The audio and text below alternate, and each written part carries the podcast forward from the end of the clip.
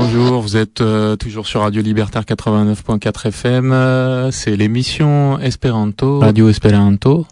Vi bone estas ĉe Radio El Sendon de Radio Esperanto. Je refuse de participer au grand concours pour savoir qui a tort, qui a la plus grosse ou la plus grande. Je préfère cracher ma vie à vos yeux plutôt que de la vendre. Je crie à la mémoire des actes manqués, des combats perdus. Je dresse le banquet, lève ma coupe au poissard déçu. Je trinque au silence et à la solitude qui s'immisce en ces lieux quand l'humanité se tait l'espace d'un instant. Tac, tic tac, tic tac, tic tac, tic tac. Yo. Ah. Uh. MC tridec tri Estas Jesus en tru en la man. Aztec revoluciema kiel Tupac Amaru. Diru al mi kiom da merdaĵo eh, eh, vi vendis Sen me diverta Mi ŝatus aldoni ke platano kun kiu intervjuon ĵus vi aŭdis malgraŭ spirito vendita al hip-hop aktivas ne nur sur la kampo de muziko En la libera tempo li kunlaboras ankaŭ kun Fomo Radio Liberte, kiu emisias siajn programojn en Parizo kaj dank al iniciato de la lokaj esperantistoj diversforme informas la parizanojn pri Esperanto. Krome interalie dank al iniciato de Platano aperis podcasto en la reto, podcasto kiu nomiĝas Pariza ventro. Ligiloj al la rakonto de Platano pri lia kunlaboro kun Fomo Radio Liberté, alla retejo de la podcasto Pariza Ventro kaj alla filmo, de kie venas la muziko kaj en kiu vi vidos platanon inter du francaj rap muzikistoj en la radia studio. Serĉu en priskribo de la elsendo. Kaj se pri la filmoj jam ni parolas, valoras mencii ankaŭ pri duparta filmo de Fabio el Brazilo, kiu laste aperis en la reto kaj rakontas pri historio kaj nuntempo de somera studado en la Norda Ameriko NASK. Necesas ion aldoni ŝajne. Kion? Ah, jes, reklamo ligiloi al ambau partoi de la filmo anca vi trovos en la prescribo. Ne pregin spectu, char racconto de Fabio pri la cursoi de NASC estas tre amusa cae interesa. Saluton carai spectantoi, kiel vi fartas? Mi esperas che tre bone. Nu, no, ci foie mi decidis aperi antau la filmeto por clarigi ion al vi. Pro tio che mi ne volas presenti tro longan rapporton, mi decidis tranci gin ie du partoi. Do, unue, vi spectos la unuan parton de la rapporto Prinask, logike, cio ne? Kai en la fino de ci filmeto mi aperos de nove kai donatsos al vi la ligilon por ispekti la duan parton. Estas tio. Bonan spektadon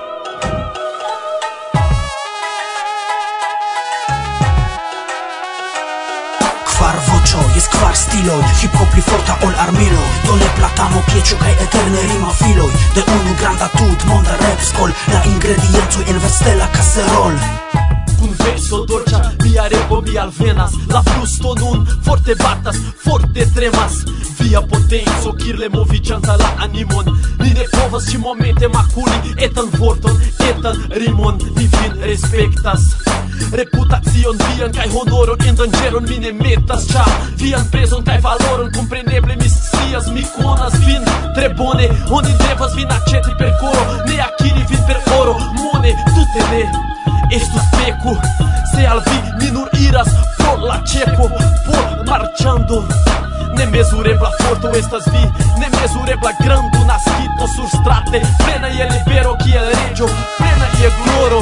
Esti fidela al vi Estas mia desir, mia volo kvazaŭ preĝe Al vi mi direktas kvazaŭ leĝe Mi vin protektas pro tio ke vi estas voĉo del senvoĉo Neracia logo, nerezistebla sorĉo Mia repo antaŭenigi vin Estas mia aspiro, mia celo, mia strebo. Rikugloj al via kap Capitano, truan creas, alcas quere citana. Mine truigas, nia repa ne tro truŝatas, certe jam surdas Tion controui, estus tiom absurda Mala mi kuras o texto ciel cruda Frag de la kultura arcara Iam pli al pieĉa barbara. Ci du tri rimoi, tiel modestai Estas nur rimkrimo, metodo estas. Ne tro perdi kartoŝon dum sfalsa kŝiro Portoi miai cortushas uh, plaĉa crio jen Platanu, hipopopon donas alta ignoro sed vi mi ne konas seman sindromon mi al vi donas damne lasi vin dormi mi ja ne povas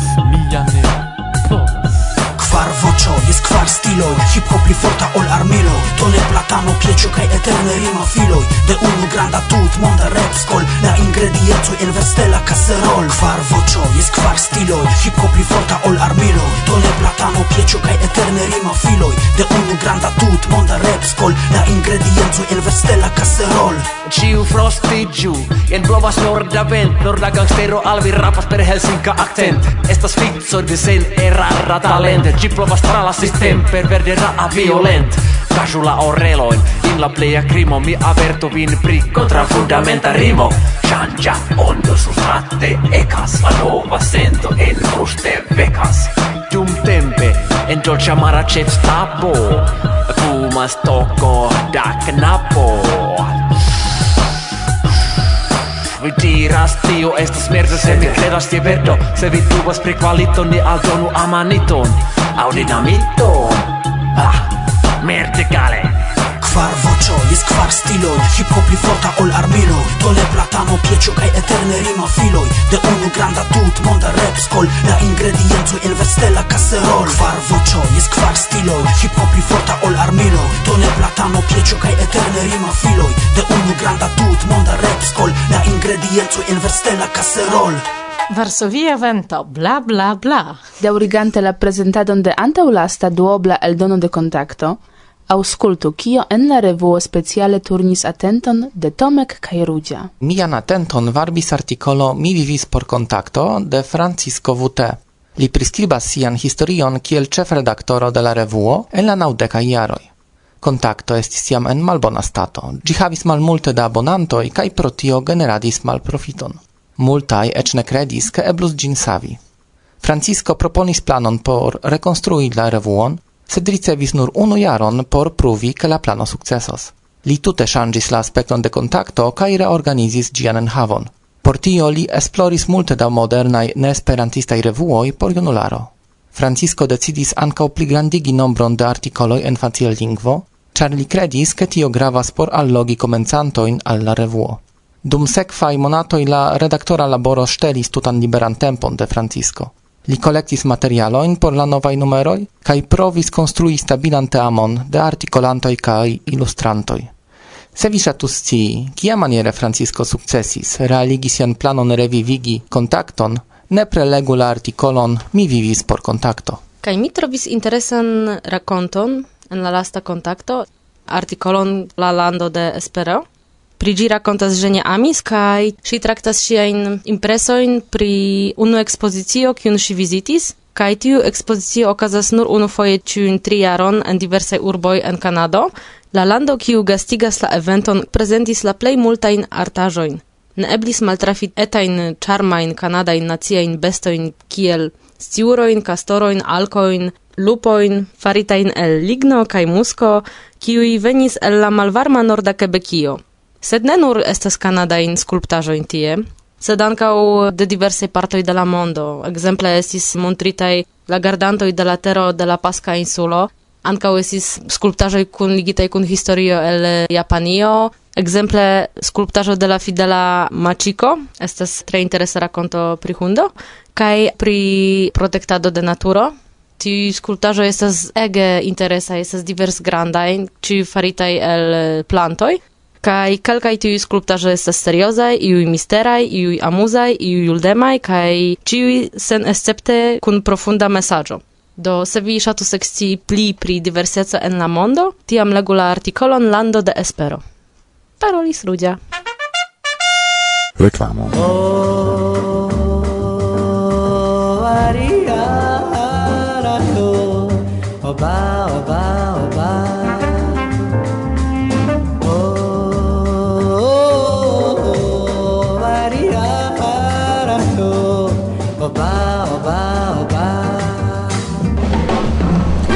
Saluton vi amicoi de la tuta mondo!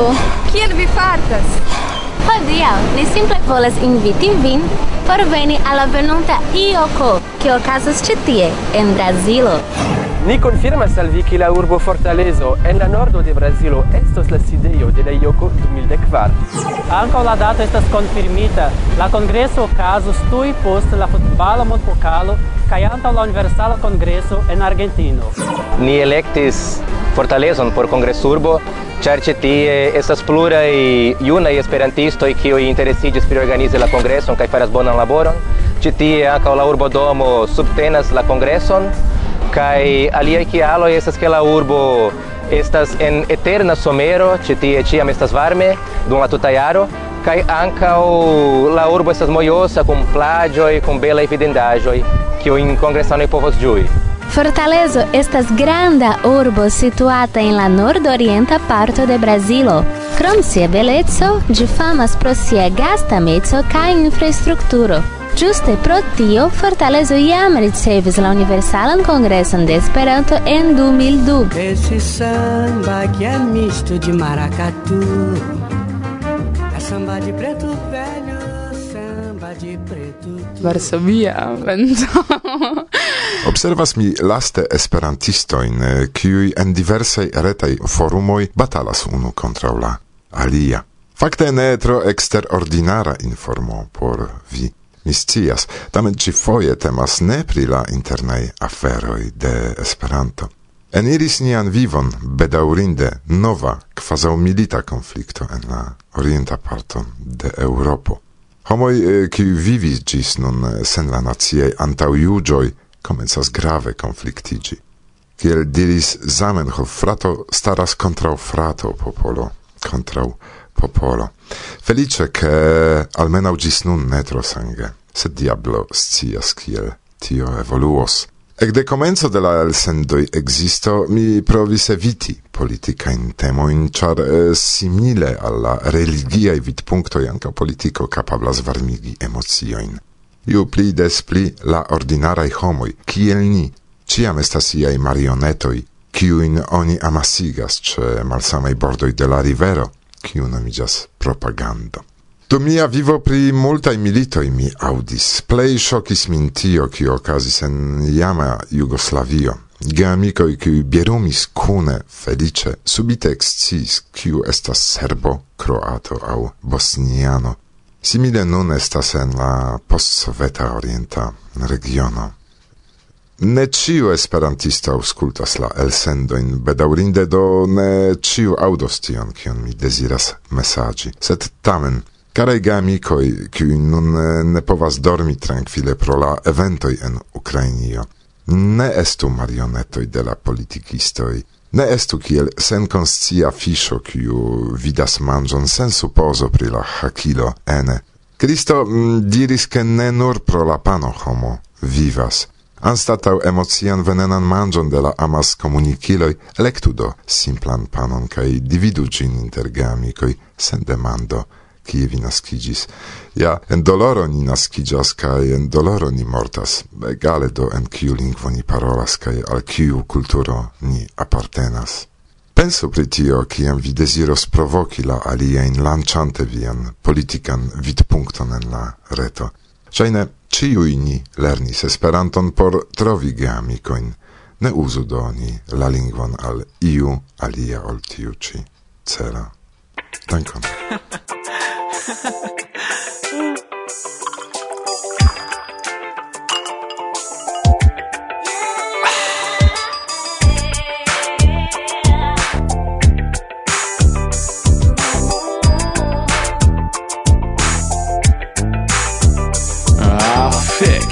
Mi tuj venas al problemo Ĉar voman sentas mi abdomeno. Mi parolas pri verda lingvo Elpensita, distulta avo. Yes, ja, temas pri Esperanto. De ci, mi estas malamanto. Esperanto al mi ne plaĉas Kai viai capoi ege achas Mi nur lernis Esperanton por insulti vin. Esperantisto bonas, ciu mortigas sin. Se vi denove nomas min samide ano Sciu ke mi endanĝerigos vian sanon. Malen Forgis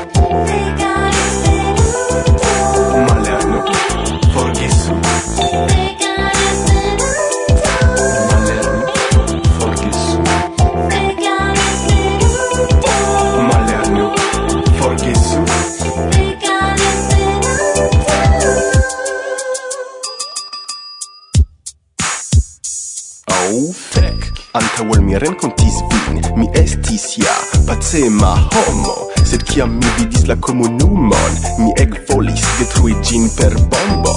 Neniam mi volos pacon, neniam kun cretenoi kiel vi. Mi havas nenian spacon en via merda fanatica set Stranguloj kun okulvitroj amasiĝas kaj apud renkontiĝfotoj sin masturbas. Esperantio jen dua ŝanco por malvenkemuloj fi kapti piĉojn. Krom la bambo kaj verda selu sur muro, mi rimarkas nenian esperantan kulturon, falsa literaturo, povra feklivo. Mi tiam batalos por via malapero. Malerni, forgesu. Malerni, forgesu.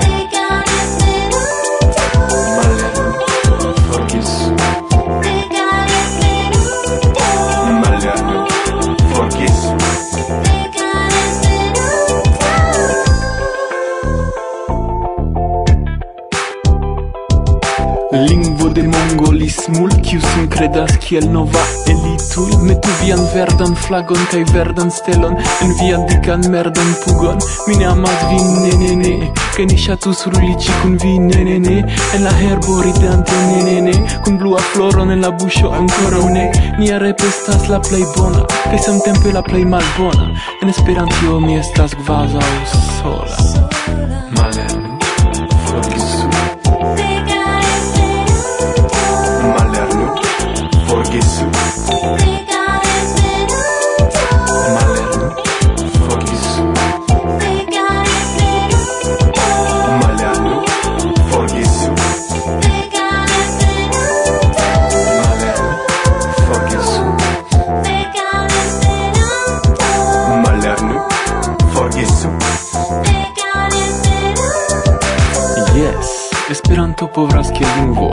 Insulti esperante estas kiel pafi per akvo.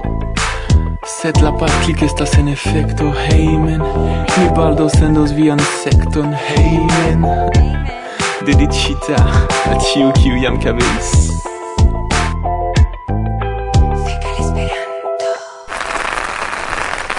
Auscultu tuluzan venton, pardonu pluvon.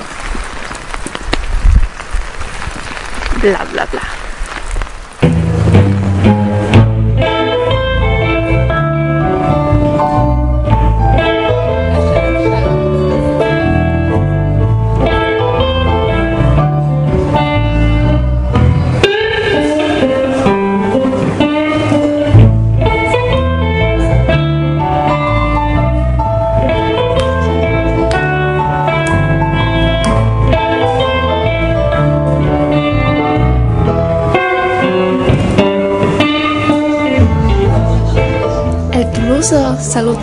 caraj aŭskultantoj, Kasia Ho.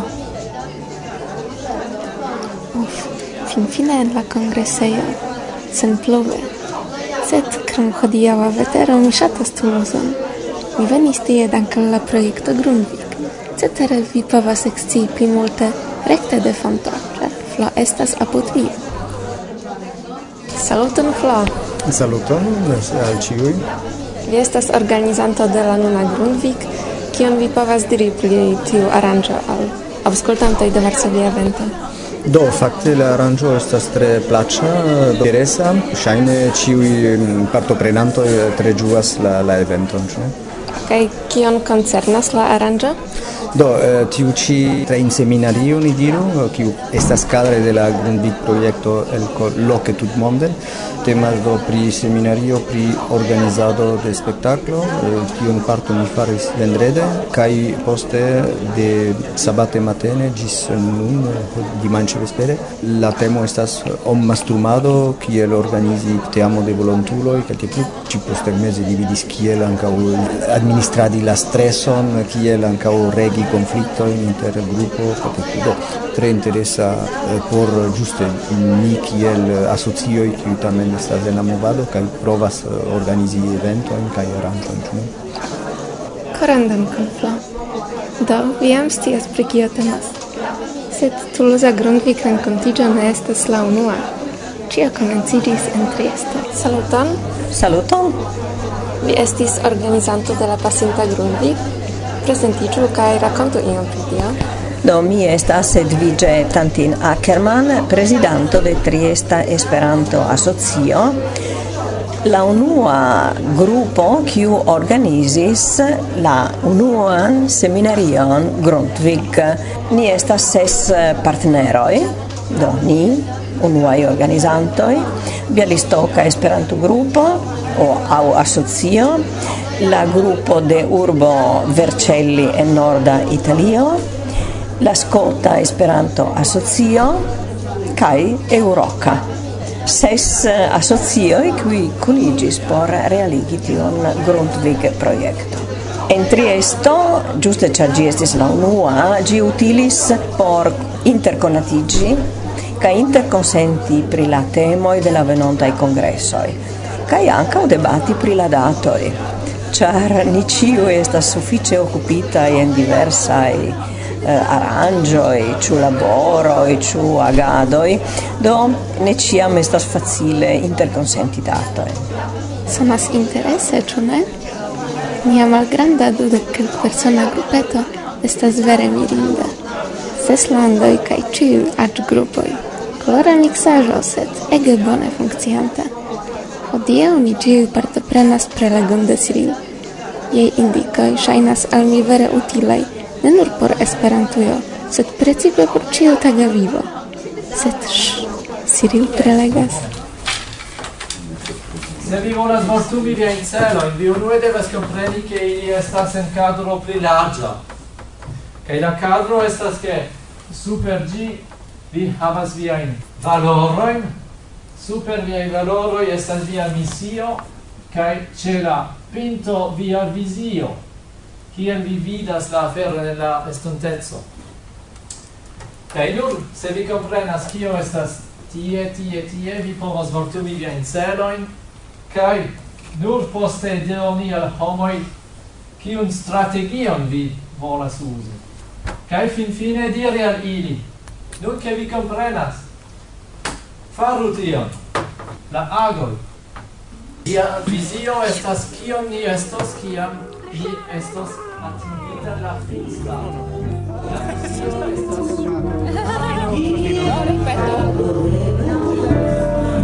Saluton de nove! Mi estas jam en la kafejo, kie post momento okazas koncerto. La aspekto de la restoracio mirigas min.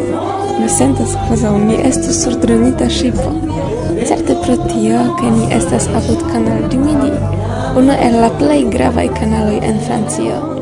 Fakte, tiu graveco kaj grandeco ne trovideblas, kaj tio vere plaĉas al mi. Krom urbocentro, kiu estas vere impona, Mi ne sentas en Toulouse etoson de granda urbo, sed de simpatia occitana urbeto. Ni kutime laŭdas aranĝojn dirante, ke estis bonega esperanta etoso, sed tie mi ĝuas antaŭ ĉio fortan lokan atmosferon.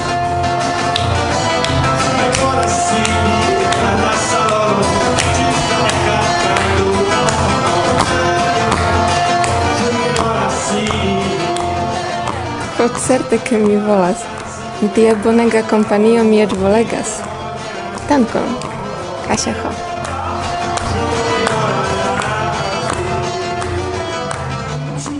Kai tiel ni venis al la fino de ci programo. La naŭdek naŭa eldono de Varsovia Vento.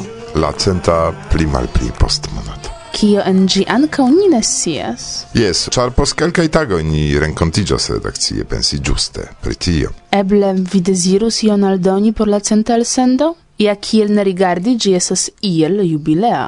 Kiel ne rigardi? Do pripensu la proponon de Martusia. Kai, gis la centa elsendo. Yes, gis baldaŭ.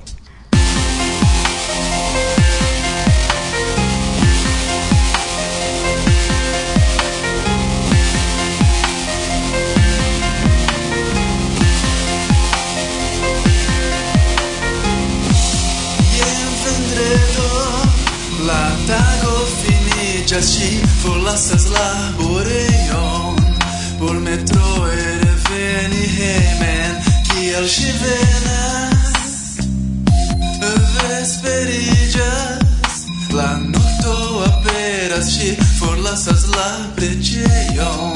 Gardi fidon je sola Dio Kiel ŝi dubas. Oh,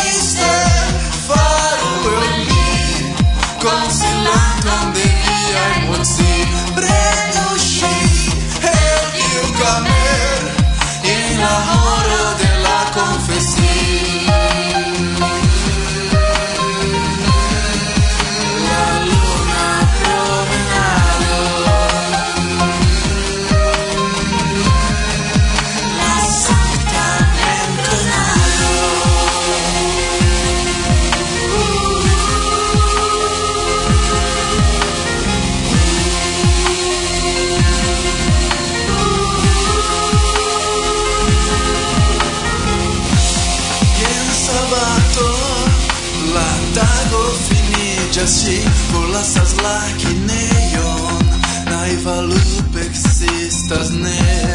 Kial ŝi staras? Vesperiĝas. La nokto aperas Ŝi forlasas la drinkejon.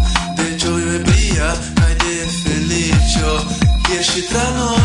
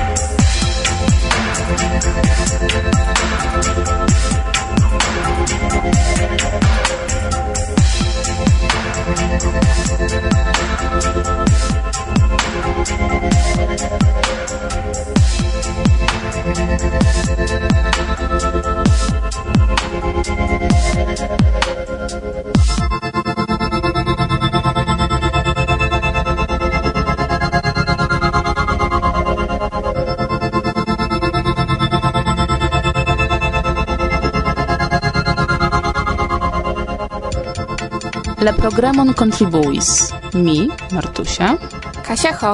Goniame, Gaste, Anuś kaj Tomek, Kasia to. Rudź.